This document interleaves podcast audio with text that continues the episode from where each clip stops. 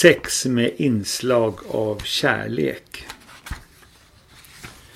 Jag tänkte dela upp mina funderingar om kärlek och sex i två delar eller kapitel. Det första är sex med inslag av kärlek och det andra är kärlek med inslag av sex. Som du kanske misstänker redan med tanke på min ålder så är jag personligen mer hemma med rubrik nummer två, alltså kärlek med inslag av sex. Men jag hoppas du kan stå ut med att lyssna på båda de här avsnitten. För spelreglerna för den här podden är ju att jag inte kan eller vill tvinga dig att ändra din livsstil eller övertygelse med det jag säger. Bara ge dig nya synvinklar och en låtsasmorfars tankar. Unga människor idag i vår hela världen vet ju oerhört mycket, kanske för mycket, om sex och sexualitetens teknik och fakta. Och de har förmodligen sett bilder och filmklipp som visar allt möjligt och till och med det som nästan är omöjligt genom att kunskap och information och direkt pornografi finns tillgänglig så lätt på internet. När jag var barn på 1950-talet och tonåring och ung vuxen på 1960-talet.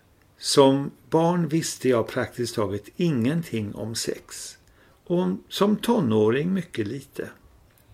Det var nog så för de flesta då, men kanske ännu mer för mig som växte upp i en kristen familj och vistades många år av min barndom i Asien och på en kristen och from internatskola. Jag visste en del om djurs fortplantning genom att se insekter och hundar sitta fast som vi barn uttryckte det.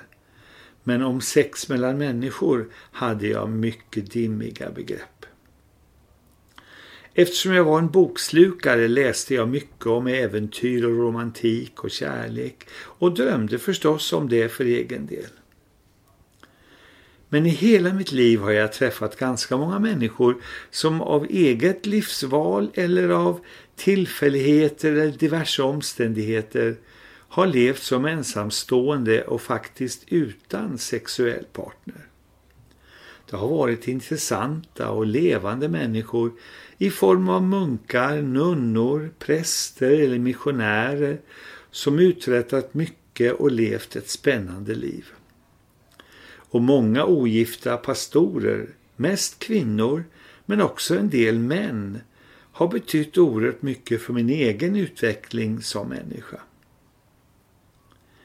Jag anser att sex är en viktig del av livets glädje och fullhet. Men jag tror inte att man måste ha sex för att leva ett gott och fullständigt liv.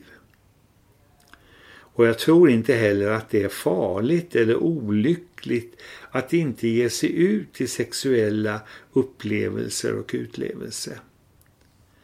Sexualiteten liksom hunger och törst och flyktreflexer är drifter och behov men måste inte styra oss blint utan kan till stor del hållas under kontroll. Jag tror vi människor längtar efter kärlek i första hand och sex i andra hand. Men jag är rädd att eh, sex och kärlek allt för mycket har blivit ett och detsamma nu för tiden. Lite slarvigt säger vi älskar med när vi egentligen bara menar ha sex med. Sex blir ganska lätt det som man hoppas ska ge gemenskap, ge kärlek. Men det är ju inte säkert att det gör det.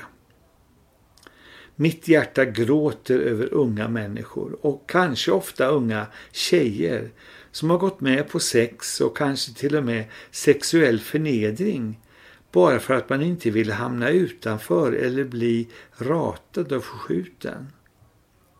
Och att en ung flickas sexualdebut ska ske med ett analt samlag utan kanske ens den minsta ömhet det gör mig mer upprörd än jag kan förklara. Som väl är längtar väl alla efter kärlek och jag hoppas också att de hittar det. Vår kulturs sexfixering skapar förmodligen fler problem än lösningar i vårt sökande efter kärlek och en själsfrände, en bästa vän och livskamrat. Men jag tror och hoppas att det sex du får uppleva är sex med inslag av kärlek, mycket kärlek. Sann kärlek vill ge mer än ta. Tillfredsställa mer än att själv bli tillfredsställd. Och göra någon annan lycklig mer än att själv bli lycklig. Sån kärlek önskar jag du ska få uppleva. Hälsningar från morfar.